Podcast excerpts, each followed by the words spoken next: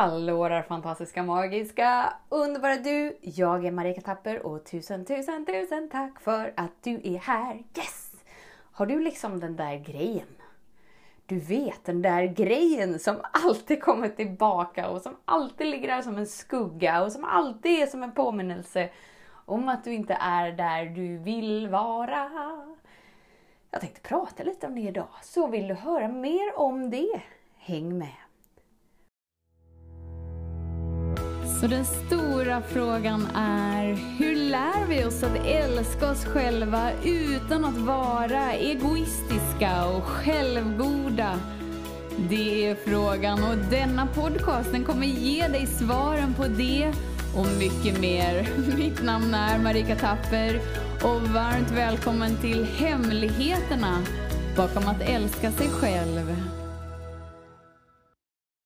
Så den där grejen då, du, du, du, du, som kommer tillbaka, du, du, du, du, även när vi har bestämt oss du, du, du, du, för att det inte ska vara så längre. så kommer den där ändå. Varför? Jo, för att dina trosystem skapar din upplevelse. Alltid. Så det du har gjort till sant inom dig är det du får uppleva. Alltså det är linsen som du ser livet igenom. Så det är alltid trosystemen som skapas först, sen kommer upplevelsen och sen så använder vi våra upplevelser som ett bevis på att våra trosystem är, är, är sanna. Och så kör vi någon slags repeat eh, loop om och om och om och om, om, om igen.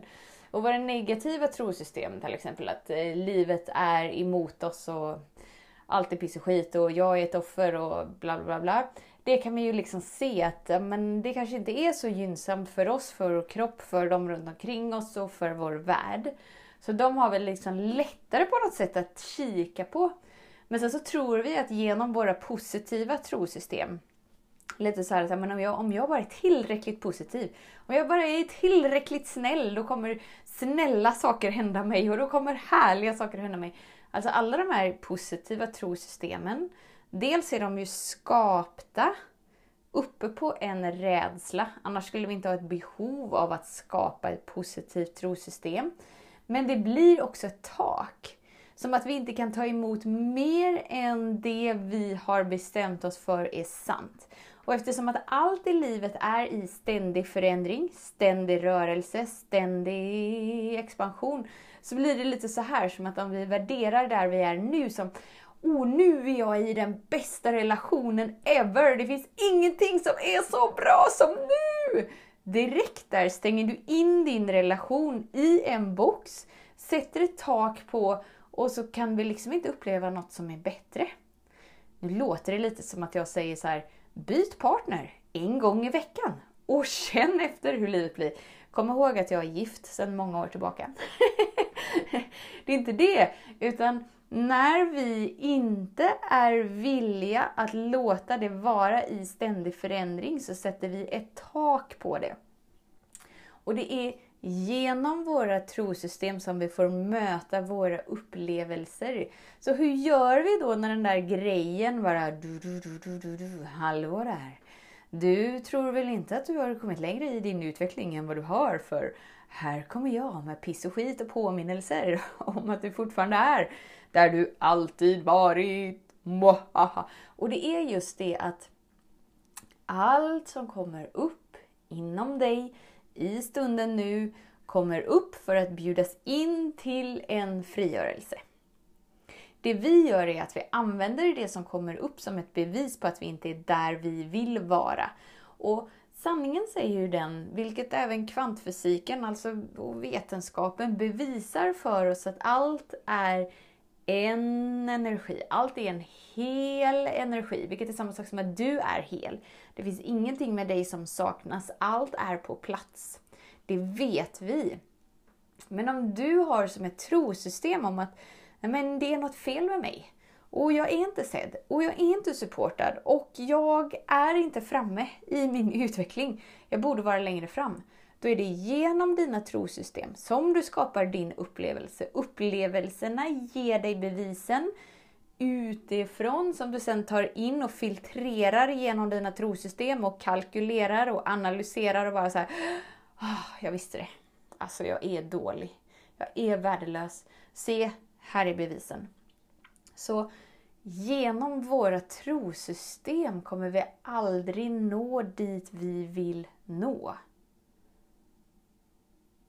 Alltså, dina trosystem kommer aldrig ta dig dit du hungrar efter. Alltså din själ hungrar ju efter frihet. Ditt inre bara så här. Jag vet att det finns en expansion som är ständig expansion som växer in till mer! Det vet ju du. Och du är ju i kontakt med den kompassen inom dig. Annars skulle du aldrig, aldrig, aldrig vara dragen till ett sånt här material överhuvudtaget. Så du är ju connectad med den delen av dig. Men om du använder dina trosystem som ett bevis på att det du hör och tar in här inte är sant. Förstå att sanningen är som den är. Och det finns liksom ingenting du kan göra för att exkludera dig från alltså principerna av hur livet är. Alltså att det finns en skapelsekraft som är större än din identitet, som är större än dina tankar, känslor, kropp.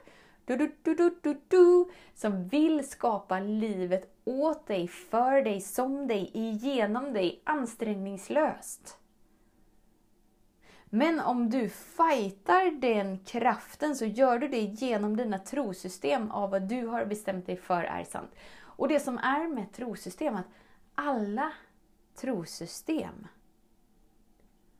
är en tro att den kraften inte finns. Alltså den där kraften. Du vet den där kraften med stora alltså stora bas... Eh, den där kraften. Alltså vi har olika namn för den. Och det spelar ingen roll vad du har för namn för att den ryms inte i någon beskrivning. Så för enkelhetens skull kan vi kalla den skapelsekraften. Men vi kan säga kärleken, vi kan säga Gud, vi kan säga universum. Vi kan säga... Det spelar inte så stor roll. För oavsett vad du har för trosystem om vad det är eller inte är så är det inte det ändå.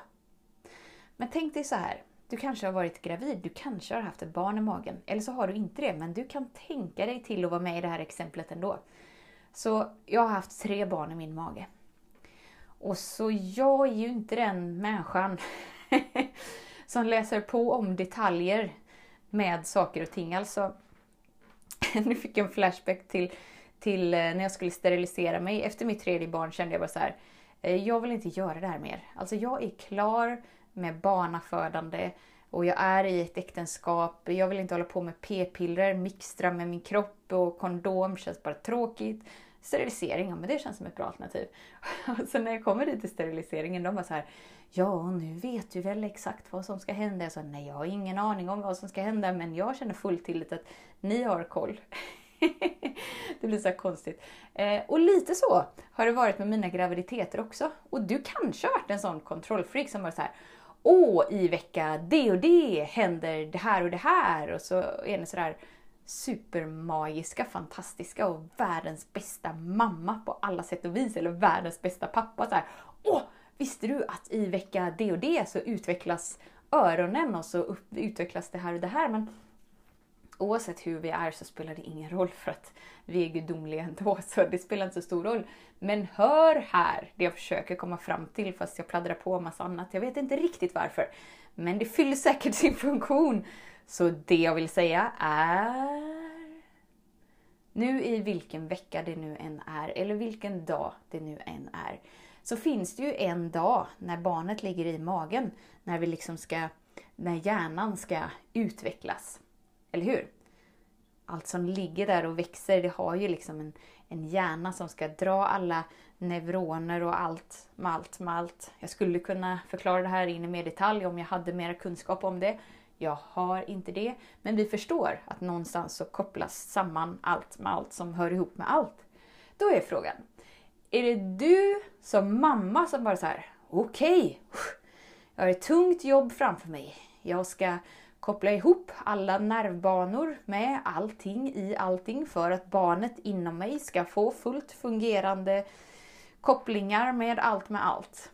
Eller är det faktiskt en kraft, en källa, livet Alltså, pappa, det där stora som vi försökt sätta ord på innan. Är det det som gör det för mig, vilket gör att jag som mamma, även om jag har ett barn i magen, inte behöver tänka så mycket på det. Utan det sker inom mig, som mig, genom mig. Oavsett hur mycket jag vet om den processen eller inte så skapas det ändå. Är du med? Kanske blev lite spretigt avsnitt. det jag försöker säga är att dina trosystem är en tro om att den kraften inte existerar.